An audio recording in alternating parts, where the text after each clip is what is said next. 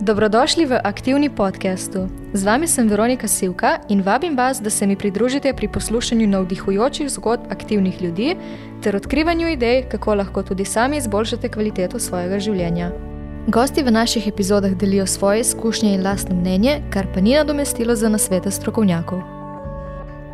Naš današnji gost je Jrnej Ogrin, magistr prehrane, nutricionist in ustanovitelj zadnje diete. S svojim znanjem Jrnej pomaga posameznikom do trajnostne izgube kilogramov, zdravega odnosa do prehrane ter dobrega počutja v lastnem telesu. Jrnej, dobrodošel. Živijo. Uh, da bi za začetek povedal, kako si danes pričel svoj dan. Um, tako kot sem ga pričel tudi včeraj. In dva dni nazaj, in tri dni nazaj, v bistvu imam kar tako rutino, s kavico se začne. Uh, vedno, ko, ko vstanem, se najprej gremo v kopalnico urediti, potem pa pride na vrsto kavica, uh, jo s punco skupaj spijeva, zraven se malo druživa z najnim uh, mačkom. In, in to je v bistvu to, potem pa od tam naprej, odvisno kako dan poteka. Danes, ker je le dopoledne snemanje podcasta, uh, sem, sem se mal pripravil, pogledal vprašanja še enkrat in pa. Um, uh, objavil na Instagram. Mhm. Torej, sem že začel delovno. Preden sem prišel sem, sem objavil na Instagram, objavil, uredil, dodal video uh, v, v, v aplikacijo, dodal podnapise. In to mi je vzelo veliko več časa, kot upam priznati.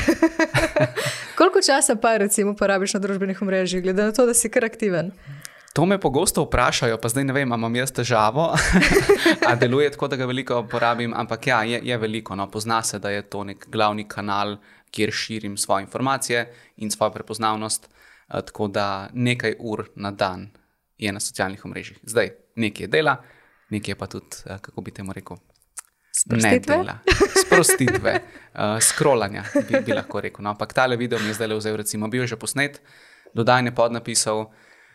Uh, Dejansko mi je vzelo pol ure, no, um, kar me je presenetilo, ker je veliko, ampak ok, je pa vse objava dobra. um, sem jo vedela, je zanimiva, uh, ta v hišnih ljubljenčkih. Tako, ne? tako. sem jo tudi jaz pogledala zjutraj. ok, lepo, hvala. uh, pa, kako pa je to, da si se sploh odločil za študij prehrane? O tem sva se pa zadnjič lih pogovarjala z, z Lauro, z mojo partnerko. In je verjetno več razlogov za to. Eden izmed glavnih je to, da sem jih v tistem času, ob koncu gimnazije, začel z, redno z aktivno, aktivnim življenjskim slogom, še bolj aktivnim kot je bil prej. V fitness sem začel hoditi. In ko si enkrat vključen v ta svet fitnessa, zraven avtomatsko pride tudi prehrana. Se veš. Um, mladi fanti želimo ponavadi pridobiti na telesni masi, mišice dobiti, ne? in samo s fitnessom to ne gre, je treba zraven še dovolj in pa pravilno jesti. In takrat sem začel kazati interes za to, za prehrano. Pa sem zelo hitro videl, koliko enih informacij mešanih je, je na to temo na internetu, na splošno. Um, pa sem nekako želel sam pri sebi, da jaz točno vem, katere informacije so ležite, katerim lahko zaupam, katere so pa tako, ok, tisto, kar piše na internetu, pa mogoče ni res. To je en razlog, drugi razlog je pa mal hecen, mogoče. Um, V moji družini je velikrat eh, bilo izrečeno tudi o prehrani kaj takega, kar se je zdelo tako neverjetno. Ne vem, da smrekovi vršički ful pomagajo in da imajo zdravilne učinke pri kar vseh tako, takih prehladnih uh, stanjih in tako naprej. Ne. Jaz sem v tisto vedno malenkost dvomil in verjetno je to spodbudilo neko tako moje kritično razmišljanje, kar mi pa močno prav pride tudi. Um, Kasneje v študiju prehrane in zdaj, ko, prehrano, ko delam v prehrani s ljudmi. Tako da to sta po mojem dva glavna, glavna razloga, pa mogoče, da imamo od nekdaj rad eh, te naravoslovne vede, kot so biologija, kemija eh, in tako naprej. To mi je vse pomagalo. Um, kaj pa si tekom študija ugotovil o smrekovih vršičkih? Nisem se jim veliko posvečal, iskreno, ampak kar mi je znano, nimajo zdravilnih učinkov, vsaj taki, da bi se lahko na njih zanašali. Ok, to je pa zdaj kot zdravilo. Jaz sem mnenja, da hrana ni zdravilo, hrana je hrana in dajmo jo tako pustiti. Um, omenil si tudi, da je danes res že veliko informacij in je res težko mogoče včasih ločiti, katere so prave, katere ne. Uh -huh. uh, kako pa lahko nek laik sploh ve, kaj je res in kaj ne? Zelo težko, v bistvu. Jaz zase nisem prepričan, kako bi handlil to področje, če ne bi študiral prehrane, se ukvarjal s prehrano na dnevni ravni, ker je raziskovanje prehrane na internetu minsko polje, če se lahko tako izrazim. Ne. Nikoli ne veš, da naletiš na nekaj, kar je uporabno, koristno, pa dejansko relevantno za te, ali pa nekaj, kar je samo zapakirano in predstavljeno kot nekaj koristnega, pa uporabnega, v bistvu pa ti ne bo nikakor pomagalo, ali pa ti lahko celo škodi. Tako da, kaj lahko potrošnik naredi, oziroma poprečna oseba, lajk naredi, je to, da poskuša slediti enemu preprostemu pravilu, samo eno pravilo bi tukaj dal, in to je, če informacija o prehrani zveni prelepo, da bi bila resnična, ali pa prehodo, da bi bila resnična, zelo verjetno ni resnična. Če, to, če ta filter uporabimo na vse informacije, ki jih slišimo o prehrani, eh, lahko kar ok, pridemo skozi, še vedno to ni bulletproof, ampak mislim, da lahko marsikomu vsaj približno pomaga. Uh, no, na svojih omrežjih pogosto tudi razbijaš uh, mite o prehrani. Uh -huh. Um, a bi delil kakšnega, ki ga še posebej pogosto slišiš, pa vsekakor ne drži? Kje začeti? Mitov je ogromno, res. Um, se mi zdi, da je več prehranskih mitov, kot pa nekih takih prehranskih ne mitov oziroma, oziroma resnic. En pogost mit je, recimo, da da ne smemo jesti sadja po določeni uri v dnevu, da to nikakor ne sme biti zadnja stvar v dnevu, ki jo pojemo. Zdaj eni rečejo, da ne smeš sadje jesti po 20 uri, eni po 18 uri, in že tukaj vidimo, da ni neke konstante, ne? oziroma konstantnosti. Uh, tukaj takoj podvomimo v resničnost te informacije. Um, resnica pa je taka, da sadje lahko ješ kadarkoli v dnevu, razen če ti določene osebe ugotovijo, ne? da jim pozno v dnevu, torej zvečer tik pred spanjem, povzroča take neprijetne občutke v želodcu, potem ne morejo zaspati. Ok, če si, če si ta oseba, če spadaš sem, verjetno ni dobro, da je sadje jesti eh, zvečer oziroma pozno, drugače pa ni nobenega razloga. Sadje ne ve, koliko je ura.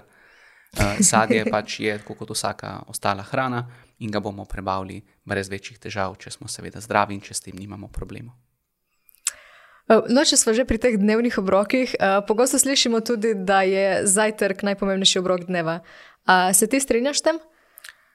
Jaz se s tem ne bi strinjal, ampak ne bom pa rekel, da je zajtrk nepomemben obrok ali pa da je obrok, ki bi ga morali kar vsi spuščati. Ne? Ker tukaj imamo spet dva ekstrema.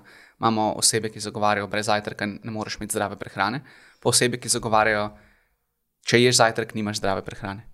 To sta dva totalno nasprotna, nasprotna eh, pola. Ne. Jaz rečem tako, zajtrk je lahko tako pomemben kot vsi ostali obroki.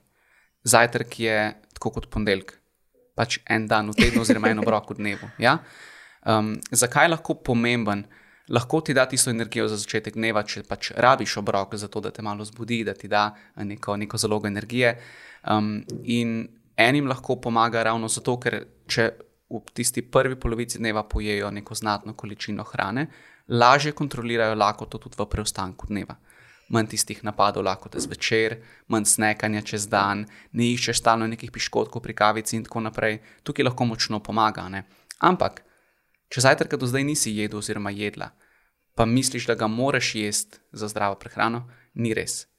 Če funkcioniraš ok brez zajtrka, prav, ne jedi zajtrka, jej takrat, ko ti prvi brok pač pa, še jesti. To je to.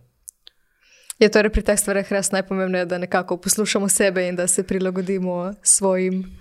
Ja, poslušanje sebe, poslušanje svojega telesa je lahko dvorezen meč, ker včasih nam telo dva tedna zapored sporoča, da je pa ti jesti pico, pa burgerje in tako naprej. Takrat ga ni jih fajn stalno poslušati. Ne? Ampak kar se pa tiče teh day-to-day, -day, torej vsakodnevnih sporočil, ki nam jih daje, mislim, da bi marsikdo koristil, če bi bil bolj in tune, torej povezan s tem uh, s čutenjem tega, kar nam telo sporoča, ker ima lahko to precej uh, dobre, dobre koristi. Se veš, fajn je jesti takrat, ko smo lačni, pa nehati jesti takrat, ko smo siti. Zdaj, če jemo tudi takrat, ko nismo lačni. Pa če jemo preko naše sitosti, tvegamo, da vnesemo preveč hrane, preveč energije, da bo naša telesna masa postopno rasla. Zato je koristno tudi poslušati in upoštevati tisto, kar nam telo sporoča. Ampak do neke mere. Uh, ja, nekateri ljudje mogoče se raje odločijo za kakšne posebne diete, za kakšne posebne režime prehranjevanja. Uh, bi izpostavil mogoče kakšno dieto, ki se ti zdi še posebej nevarna oziroma potencialno škodljiva za nekoga? Tukaj res nočem s prstom kazati ali pa delati krivice, kakšni od teh diet, ampak če lahko izpostavim samo eno, pri nas ni tako pogosta, še dobro, ne? in upam, da bo tudi s tem odgovorom vedno manj pogosta. to je karnivor dieta, mesojeda dieta ena izmed bolj ekstremnih diet, ki jih poznamo, in v bistvu zagovarja, zapoveduje to, da ljudje iz svoje prehrane odstranijo večino ali pa vse izdelke, vsa živila rastlinskega izvora. Popolno nasprotje veganstva. Torej. Praktično je samo meso, eni tudi mlečne izdelke, ampak eni pa tudi ne. Najbolj ekstremen pristop znotraj karnivora je pa, da jedo samo govedino, pa sol, pa vodo, seveda pijo. Torej, zelo omejen nabor živil, zelo pomankljiva prehrana, kar se tiče hranil, in dejansko je ne mogoče imeti zdravo prehrano na dolgi rok, če ješ samo to. Tako da to bi kar tako kategorično odsvetoval. Ostale diete so mogoče manj, manj ekstremne, manj restriktivne, ampak še vedno tudi pri veganstvu pogosto opozorimo. Ne? Veganstvo je lahko super. Če oseba ve, kaj dela, če se temu posveti, je lahko tudi veganska prehrana povsem ok prehrana. Ampak če se pa tega lotimo na pamet, se pa ne bomo imeli dobre. Ker je vseeno precej restriktivna in nam močno zmanjša nabor živil, hranilno bogatost, pestrost in tvegamo lahko različna pomankanja. Tako da ni hec, bolj kot je dieta stroga, bolj kot omeji tvoj izbor hrane, po kateri lahko posegaš, več nekega planiranja, znanja je treba imeti in pa večje tveganje sprememo, tako da ne se tega lotevati na pametno. To je moj nasvet, ker tak splošen. Um, ja, kot magistr prehrane, um, predvsej pomagaš ljudem tudi pri hujšanju, pri vzpostavljanju nekega zdravega odnosa do hrane. Kakšen pristop pa imaš ti pri svojem delu? Um, jaz samega sebe štejem kot nekoga, ki zagovarja zmernost. Zmernost pri, tudi pri pristopu, ki se ga lotimo pri prehrani, ali je to hujšanje, ali je to samo neka obogatitev prehrane. Um, tudi zato sem svojemu uh, nekemu programu, svoji, svoji storitvi, svojemu brendu dal ime zadnja dieta, ne? kot zadnja dieta, ki jo potrebuješ v življenju, uh, ker potem ne rabiš nobene več, ker ti omogoča, da še vedno ješ hrano, tudi ki jo imaš rad, ne samo tisto kao zdravo hrano, ki je primerna za hujšanje, ne? ampak ti ne omeji izbora živil tok, um, da bi ti pa rekel, jaz zdaj pa jaz ne smem jesti tortic, pa ne smem jesti uh, peciva, pa ne smem jesti kruha. Sploh ne, lahko ješ vse, samo moraš pa poznati določene osnove, omejitve in pa neke okvire, znotraj katerih se lahko gibaš. Tam je pa ja, dovoljeno, dovoljeno vse. Uh, in jaz nekako zagovarjam, da se fino o prehrani nekaj naučiti. O prehrani je dobro nekaj vedeti, ker potem imaš ogromno svobodo in ogromno samozavest lahko pri izboru hrane, pri porcioniranju hrane, pri razporeditvi obrokov. Nekako svobodno se lahko počutiš v teh krogih. No, da, um, če sem približno uspel opisati, kaj je zadnja dieta, je, je to to. Uh, kaj pa je v tvojem poklicu mogoče največji izziv? Vse, kar nutricionisti delamo, dejansko je izziv, ker se ukvarjamo z ljudmi ukvarjamo se z ljudmi, ukvarjamo se z njihovo prehrano in ljudje smo še sami po sebi precej kompleksni. Ne? Prehrana je pa nekaj, kar je zelo vezano na posameznika, zelo osebna stvar dejansko je, pa dokaj občutljiva tematika vseeno, ker ima vpliv na zdravje. In če naredimo neke hude napake, pa če jih redno delamo in, in če to delamo dolgoročno, lahko tvegamo neke, neke neugodne učinke na zdravje. Tako da je treba biti kar previden. En izmed glavnih izzivov pa je ravno to, da ljudem, ljudje ne rabijo samo informacij. Rabijo tudi informacije, seveda, ker se v prehrani fajn nekaj naučiti, kot sem prej rekel, ne? ampak samo za informacijami redko komu uspe narediti nek tak velik preskok, velik napredek, veliko spremembo. Kot nutricionist, če delaš z ljudmi tudi osebno, je fajn jim dati tudi načine, kako lahko zdaj te informacije, ki si jim jih dal, prenesejo v prakso in to redno delajo.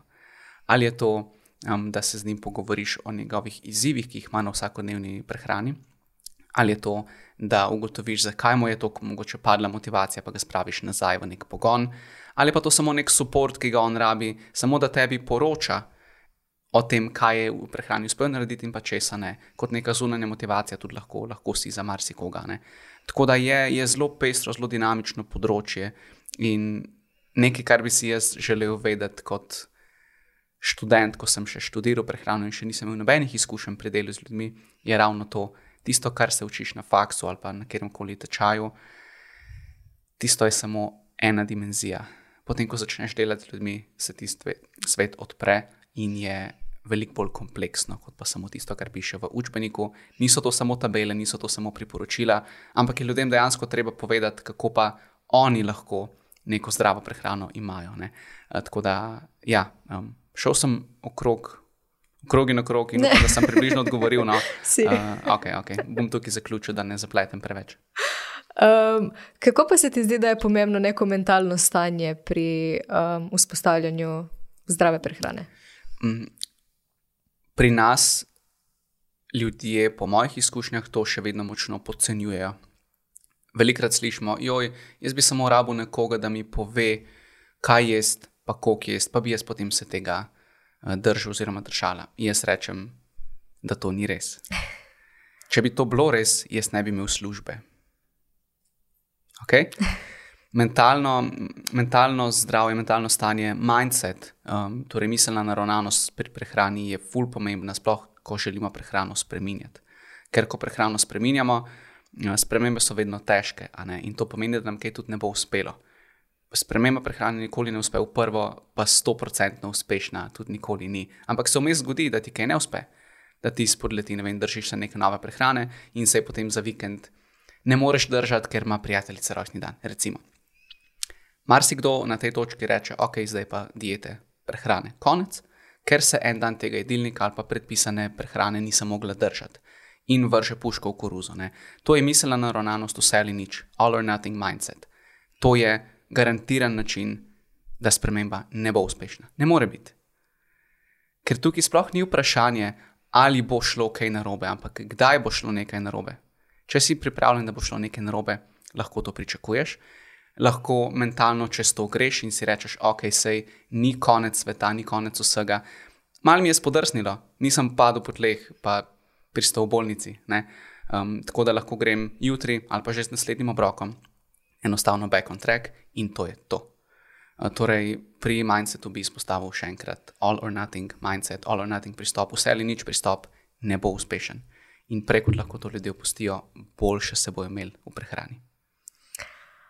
Um, kako pa sam, recimo, pomagaš ljudem, da opustijo ta mindset oziroma miselno naravnanost?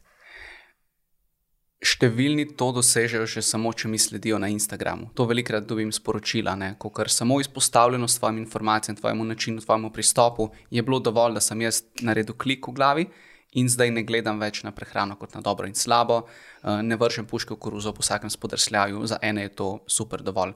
Eni rabijo pa malo več spodbude, suporta eh, in pa izkusiti to, da ni bilo nič narobe, če so enkrat failalo na rekovajih, pa da se potem poberijo nazaj. Torej, ko ljudje začnejo delati z mano, se hitro zgodi, da se ne morejo držati tega, kar smo se zmenili v narekovajih. Ne? In potem pridejo na posvet, pa rečejo, joj, tole mi ni uspelo. In jih samo vprašam, ok, ena stvar ti ni uspela. Naštej mi tri stvari, ki so ti uspele. Naštejo ena, dva, tri. In potem rečem, kul, cool, da jim probi še dve našteti. In našteje še dve. In tukaj hitro vidijo sami, kako hitro se začnejo obsojati zaradi ene napakice, čeprav je vse ostalo bilo super. In tle bi en primer povedal, če lahko. Sveda. Moja bivša stranka sva delala ena na ena, torej individualni coaching, in je prišla po torej tedenski posveti, so neka, neka stvar, ki prakticiram, ne? in je po enem tednu prišla na posvet. In sem jo vprašal, kako je bil tvoj teden, kako ti je tole, kar sva se dogovorila, šlo. In mi je odgovorila tako zelo, zelo potrta, zelo žalostna, slabo je bilo.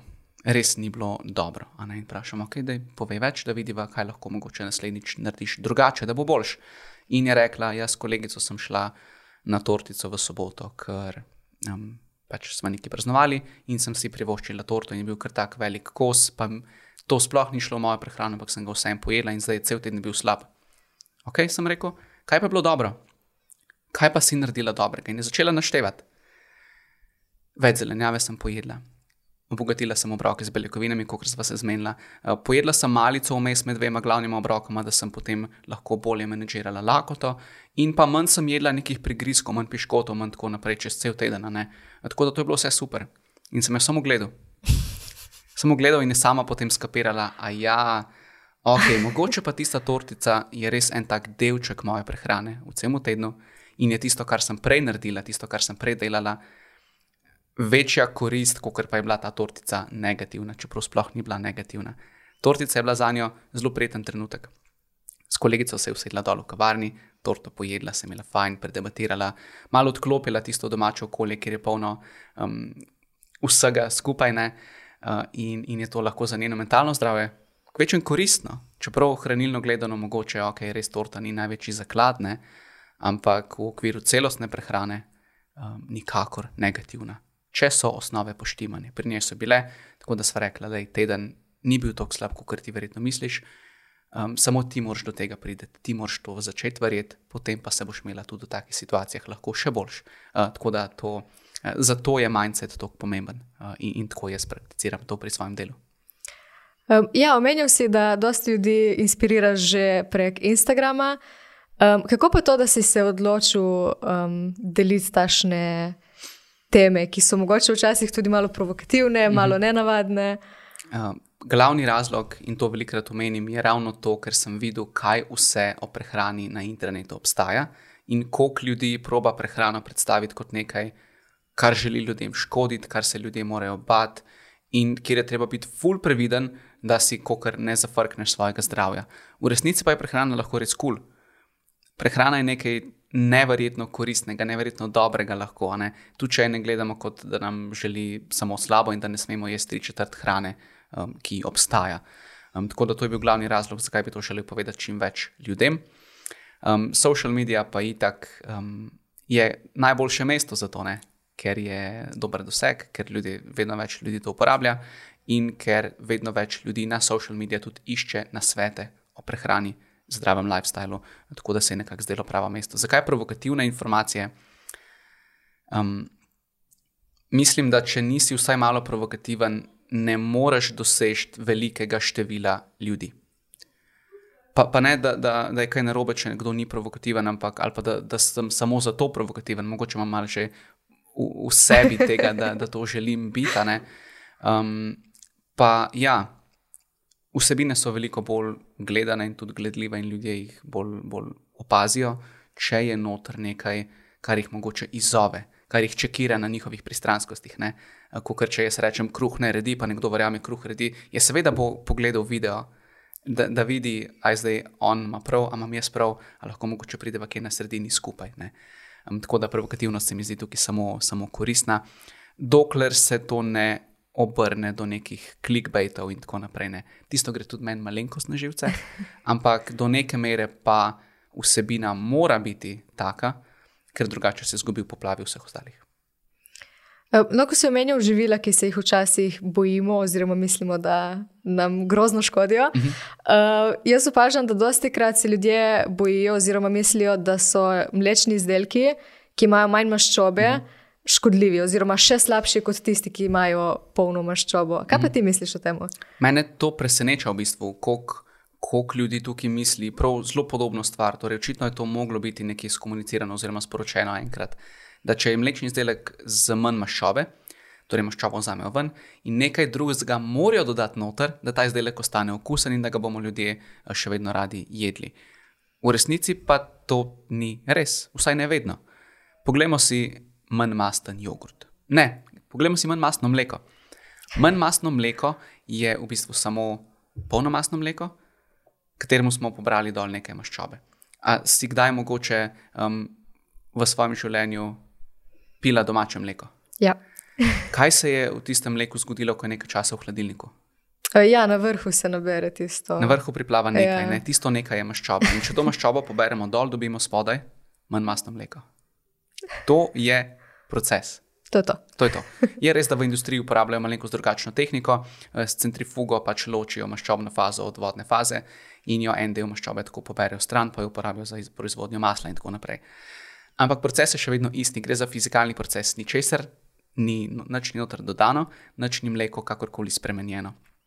Razen da ima manj maščobe in da je prehransko gledano bolj ugodno, sploh za tiste, ki želijo telesno maso izgubiti. Zdaj, Je pa res, da nekateri izdelki, ki so manj masni, ki so iz posnetega mleka, pa vsebojo še neke druge stvari, ki jih noter, ki jih noter dodajo. Sadni jogurt je primer.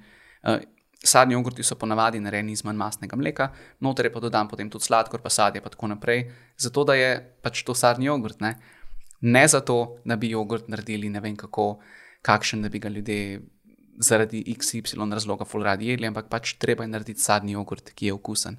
In ja, noter se doda sadje in sladkor.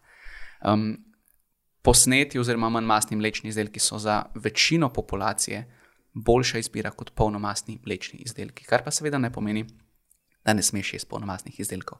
Ampak, če je cilj izguba telesne mase, vzdrževanje izgubljene telesne mase, ja, tisto, kar je manj masno, bo manj kalorično, zato je fajn, če je bolj pogosto to na tvojem jedilniku. Predvsej preprosto v bistvu, no?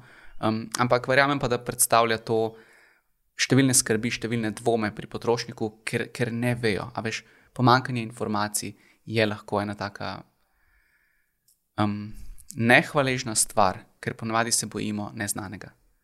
Uh, tako da lahko to hitro skrbi in dvome povzroča. Upam, da sem uspel opisati. Ja. Okay. uh, ja, jaz tudi mislim, da dejansko zaradi pomankanja informacij se rojevajo te strahovi Mm -hmm. um, in se potem res bojimo vsega mogočega. Ja, ja. Um, ne samo, da se bojimo živeli, včasih se bojimo tudi um, kuhinjskih aparatov, recimo mikrovalovne pečice. Mm -hmm. um, kakšno pa je tvoje mnenje o tem? Ali je res tako zelo življensko nevarna, kot nekateri menijo?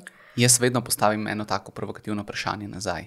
A misliš, da bi bila mikrovalovna pečica dovoljena za tako široko in masovno uporabo, če bi res bila tako nevarna, kot kdo tukaj trdi in priča? In tukaj ljudje takoj pomislijo, hm, ja, verjetno ne, ampak kaj pa, če se je kakšna korporacija zarotila proti nam in nam želi kaj hudega? Ne. Uh, mikrovalovne pečice so zelo praktične za vsakodnevno uporabo, če oseba seveda to želi uporabljati, ne? ker so dokaj poceni, hitro upravijo svoje delo, ne? pa, um, pa če daš hrano noter in pozabiš, da je tam in potem jo vzameš ven in je kar naenkrat topla. ne. Uh, Tako da je, je zelo, zelo uporabna, zelo praktična. Uh, mikrovalo- Mikrovalovna pečica hrane ne naredi strupene, ne naredi je uh, take, da seva, torej ne povzroča sevanja in nikakor ne spremeni hranilne vsebnosti živil, ki jih noter grejemo oziroma um, tajamo, karkoli že z njimi počnemo. No. Um, v bistvu gre samo za dokaj enostaven način segrevanja, segrevanja hrane. Zdaj deluje na principu tega, da mi imamo v, v hrani je veliko vode. Večina hrane je sestavljena iz vode, karkoli že jemo. Ne? In molekule vode v, v hrani um, imajo eno tako lastnost, uh, torej da imajo dva, dva močna pola, recimo negativen in pozitiven, kakorkoli. In čez mikrovalovi, mikrovalovi jih um, obsevamo, to se zdi grozna beseda, ampak obljubim, da ni. Uh, te molekule začnejo vibrirati v bistvu. Uh, in to vibriranje povzroča trenje, stranski produkt trenja je toplota in tako se hrana segreva v mikrovalovki. Um, tako da, kar se varnosti tiče, povsem varno, vsi mikrovalovi ostanejo noter v pečici, ne grejo ven, zato je tudi iz kovine narejena, da pač brani pred izhodom teh, teh žarkov. Uh, hrana, ko pride ven, pač je varna, topla. Pa dajte paziti, da se z njo ne opečete, ker včasih je lahko en del vroč, en del pa mrzel. Uh, samo malo previdnosti je potrebne, potrebne pa ne dajati kovine noter. Um, kaj pa recimo, ko pripravljamo obroke, nekateri zelo pazijo, da recimo si ne pripravijo vnaprej kakšnih živil, kot so krompir, gobe, kakšne take zadeve. Uh -huh. A so ta živila dejansko nevarna naslednji dan? Vsa živila so lahko nevarna naslednji dan, če, se, če nismo previdni pri njihovi pripravi in pa potem kasnejši toplotni obdelavi. Glavni razlog za to je torej mikrobiološka nevarnost, je tukaj lahko prisotna. Razne bakterije, virusi in tako naprej se v hrani lahko nahajajo. Um, in če nismo previdni pri toplotni obdelavi, jim lahko damo ful dobre pogoje, da oni rastejo, se množijo in nam povzročajo različne neugodne posledice. Je pa res, da prav za nobeno živilo samo po sebi ne velja, da ga ne smemo pogrevati, ko smo ga enkrat skuhali. Torej, tudi če imamo mi hladen krompir, oziroma krompir, ki nam ostane, pa ga damo v hladilnik, če ga naslednji dan dobro pogrejemo, pa pojemo, ni nobenega problema. Če ga ne pogrejemo, ja, tveganje je malenkost večje, ampak ne pomeni, da se bomo kar vedno zastrupli, ko bomo jedli hladen krompir. Špinača je pogost, pogost mit, da je ne smemo pogrevati. Ne? Uh, in, in v to sem se tudi malenkost poglobil, ravno zato, ker je to pogosto vprašanje, ampak tudi za špinačo velja enako. Če smo jo dobro toplotno obdelali na začetku, ta prvič, ko smo jo skuhali, in če jo dovolj pogrejemo, takrat, ko pač jo pogrevamo za ponovno uživanje, je tudi špinača lahko čisto ok hrana in ni nobenih skrbi potrebnih. Bi pa opozoril na nekaj. Riž je tukaj ena taka malce specifična stvar. Riž lahko pogrevamo, nobenega problema. Ampak, ko pogrevate riž, nikoli ne pogreti večje količine, kot ga boste pojedli, polne količine ponovno zapakirati v hladilnik, pohladiti, pa potem spet pogrevati. Ker večkratno pogrevanje določenih vrst hrane pa je lahko potencialno nevarno, zato ker z večkratnim pogrevanjem um, spet omogočimo enim um, bakterijam, recimo, da se pač pač namnožijo in nam potem povzročajo kakšne zastrupitve s hrano. Uh, tako da, če pogrevate riž ali pa kjerkoli drugo hrano, da bo kar za vse enako, dajte pogreti samo tisto, kar boste pojedli, ne pa kar cele količine naenkrat. To je tako zelo uporaben svet, se mi zdi. Ja, res je. uh, Kakšen pa je tvoj pogled na prehranske dodatke? Um, prehranska dopolnila so dopolnila. Dajmo najprej poskrbeti za prehrano, potem pa se dajmo ukvarjati s tistim, vsem, kar moramo, ali pa bi bilo fino, da bi dodajali. Ljudje pa pogosto postopajo tako, ok, zdaj bom pa jaz imel zdravo prehrano, ker prehransko dopolnilo rabim. Ne, napačen vrstni red. Res, um, prehranska dopolnila so dejansko super, takrat, ko, so, ko je za to potreba in takrat, ko so utemeljeni razlogi, da jih uporabljamo. Um, niso pa pogoj ali pa osnova za zdravo prehrano. Osnova za zdravo prehrano je zdrava prehrana, dodatki oziroma dopolnila pa dopolnijo. In tudi ljudje potem vprašajo, ok, ampak kje so pa dopolnila, ki bi jih nasplošno priporočali vsem. In tudi tukaj bom zelo previden pri odgovoru. V zimskih pa jesenskih časih je vitamin D nekaj, kar bi priporočil dejansko vsem. Če se lahko greste predhodno testirati, koliko vitamina D imate v krvi, je še bolj ugodno. Ampak nekako za splošno populacijo je to priporočljivo. Drugo splošno priporočljivo dopolnilo je za tiste, ki ne jedo masnih rib, vsaj enkrat, v idealnem primeru pa dvakrat tedensko, omega-3 maščobne kisline, eh, kapsule ponavadi. Um, so zelo koristne za zdravje možganov, za kardiovaskularno zdravje, imajo dejansko nek, neko mero protivnetnega delovanja, tako da so vrhunska, vrhunska zadeva. Ampak spet, če jeste lososa, recimo vsak teden ali pa skušo sredino, tisto minimalno količino omega-3 v telo že vnesete, ki je lahko koristna, lahko pa z dopolnilom še vedno poskrbite še za neke dodatne koristi.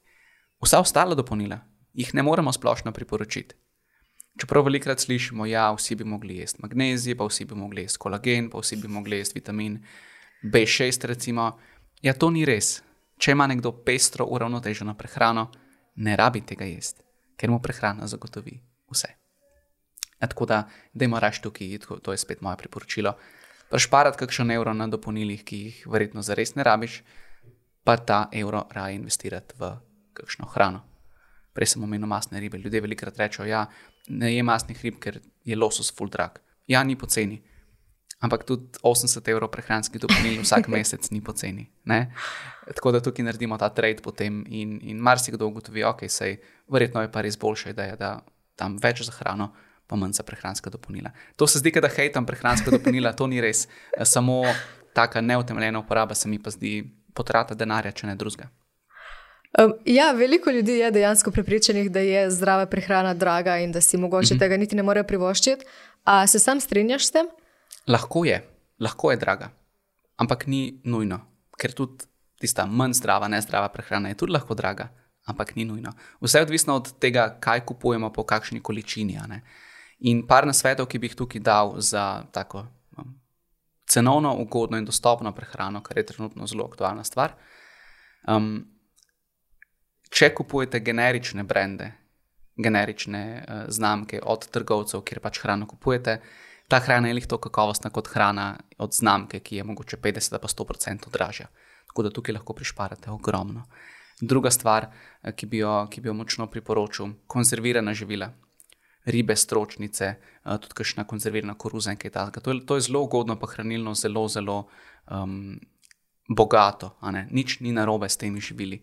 Uh, včasih ima kdo predsodek, da ja, je konzervirana hrana, pa že ne more biti zdrava. To je samo hrana, ki je skuhana. To je to.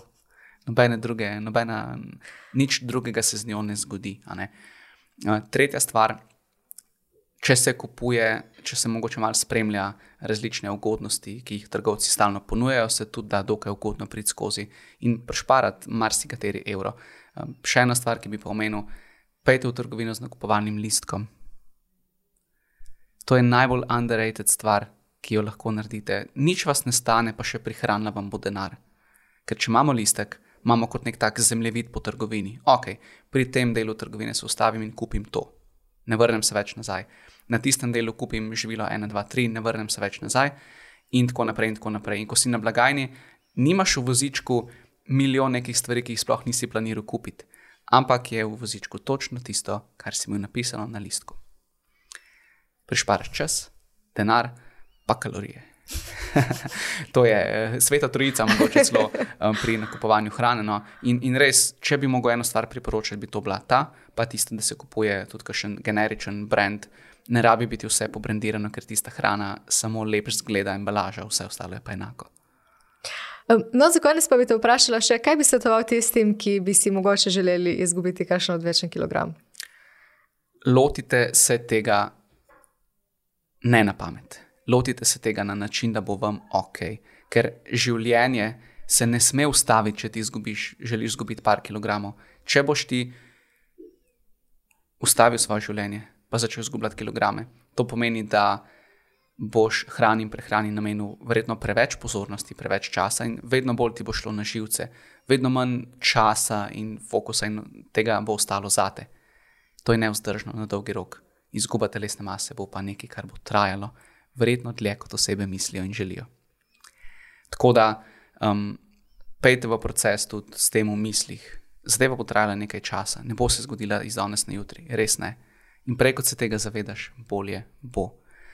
Tukaj bi dodal še to, da za nekatere se na vidi zgodi iz danes na jutr, ampak to ponavadi traja za kratek čas. Se veš, v enem mesecu ekstremna dieta, minus 5 do 8 kg, to se da, odsvetujem, ampak se da.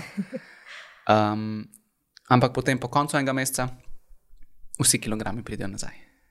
To ni bila izguba, ali pa še več, jojo učinek. Ja. To ni izguba kilogramov. To je v bistvu, da se rediš samo z enim umestnim korakom pa nimaš se dobro, cel čas. Ne? Takrat, ko hujšaš, se nimaš dobro, in takrat, ko dobiš dodatne kilograme nazaj, se imaš pa še manj dobro. Tako da, dajte se lotiti tega smerno, to je moj nasvet. Pa imejte v mislih sebe, vi boste tisti, ki boste jedli to hrano, vi boste tisti, ki boste nosili posledice eh, prehrane, ki vam ni všeč. Lahko se pa lotite tako, da vam je všeč, zmerno, ne pričakujte preveč prehitro, pa bo proces veliko bolj prijeten. Pa zraven se boste lahko družili, živeli življenje in ne dajali tega lepega življenja na pauzo. Eh, ni vredno, ne splača se. Jrnej, hvala za sodelovanje in vse dobro tudi v bodoče. Hvala za vabilo, bilo je super.